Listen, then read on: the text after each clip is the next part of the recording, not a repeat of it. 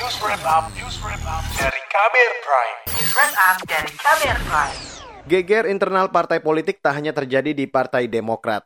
Konflik yang berujung dualisme kepengurusan juga pernah terjadi di sejumlah partai lain di Indonesia. Berikut laporan yang disusun Dwi Renjani. Kongres luar biasa KLB Partai Demokrat pada 5 Maret lalu secara aklamasi menunjuk bekas Panglima TNI Muldoko sebagai ketua umum yang baru.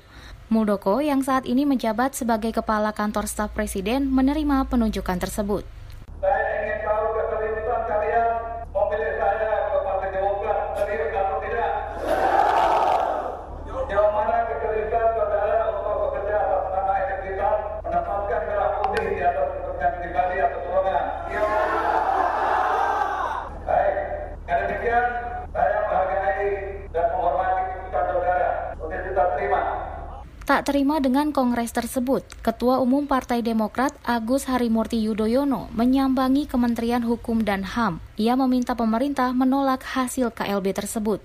untuk menyampaikan keberatan agar Kementerian Hukum dan HAM menolak dan tentunya menyatakan bahwa gerakan pengambil alihan kekuasaan atau kepemimpinan Partai Demokrat melalui yang para pelaku klaim sebagai KLB atau Kongres Luar Biasa tanggal 5 Maret di Deli Serdang, Sumatera Utara sebagai kegiatan yang ilegal.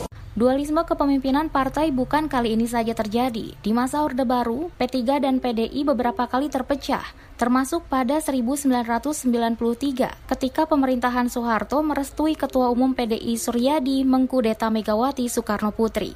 Di era reformasi, PKB juga mengalami perpecahan antar kubu bekas Presiden Abdurrahman Wahid dan Muhaimin Iskandar.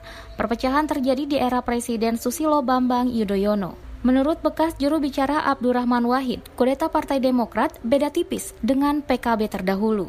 Kalau secara secara proses politiknya ya ya kurang lebih sama lah. Sama cuman memang pentolannya kalau di PKB dulu tetap orang dalam, kalau di Demokrat ada orang yang dari luar yaitu Muldoko. Tapi sebetulnya kan tidak luar-luar amat juga Pak Muldoko itu dalam konteks uh, Partai Demokrat. Karena Pak Muldoko itu ketika menjadi pemimpin di TNI itu kan dapat legitimasi dari Presiden Susilo Bambang Yudhoyono yang mendominasi Partai Demokrat. Jadi kira-kira sebetulnya Muldoko ini orang luar yang sebetulnya lahir dari dalam Partai Demokrat cuma berada di posisi luar yaitu di dalam pemerintahan. Dualisme dalam kepemimpinan partai juga sempat terjadi di Partai Golkar dan Hanura. Partai Golkar sempat pecah antara kubu Abu Rizal Bakri dan Agung Laksono, sedangkan Partai Hanura sempat diwarnai pertikaian perebutan kursi ketua umum antara bekas Panglima TNI Wiranto dan Osman Sabtaodang. Direktur Eksekutif Foxfall Center Research and Consulting Pangi Syarwi mengatakan, hal ini bisa terjadi jika ada pengakuan dari Kementerian Hukum dan HAM yang mengakui keabsahan Kongres Luar Biasa atau KLB suatu partai. Pertama adalah karena memang ada kesempatan untuk melakukan itu. Undang-undang kita ini kan harus berkiblat ke undang partai politik, tapi ada peluang celah untuk mereka melakukan dualisme itu lewat SK Menkumham itu. Nah, untuk mengatasi masalah itu tentu solusinya adalah SK Menkumham itu pengesahan partai politik itu tidak lagi domain dari uh, ke Kementerian Hukum dan HAM yang dalam notabene adalah bawaan Presiden Jokowi sehingga itu menjadi domain pengadilan.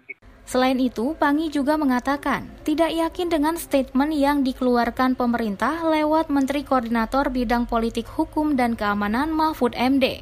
Menurutnya, pemerintah sering tidak konsisten dalam memutuskan sesuatu. Sebenarnya dari Mahfud kan sudah jelas ya, kalau ikut pada bahwa KLB ini sudah mengalami patahan di tengah jalan ya. Kenapa begitu? Karena memang tidak bisa kalau ikut aturan dokumen negara yang sudah didaftarkan di Kemenkumham, maka itu tidak memenuhi ADRT untuk terlaksana KLB itu cacat ya inkonstitusional. Hmm. Mahfud menjelaskan bahwa yang sah itu adalah AHY gitu. Jadi kalau begitu ruang untuk KLB itu tidak ada sebenarnya. Bahkan memang tidak dianggap tidak ada KLB, harusnya begitu. Tapi kita kan tidak tahu ada kejutan-kejutan lain biasanya.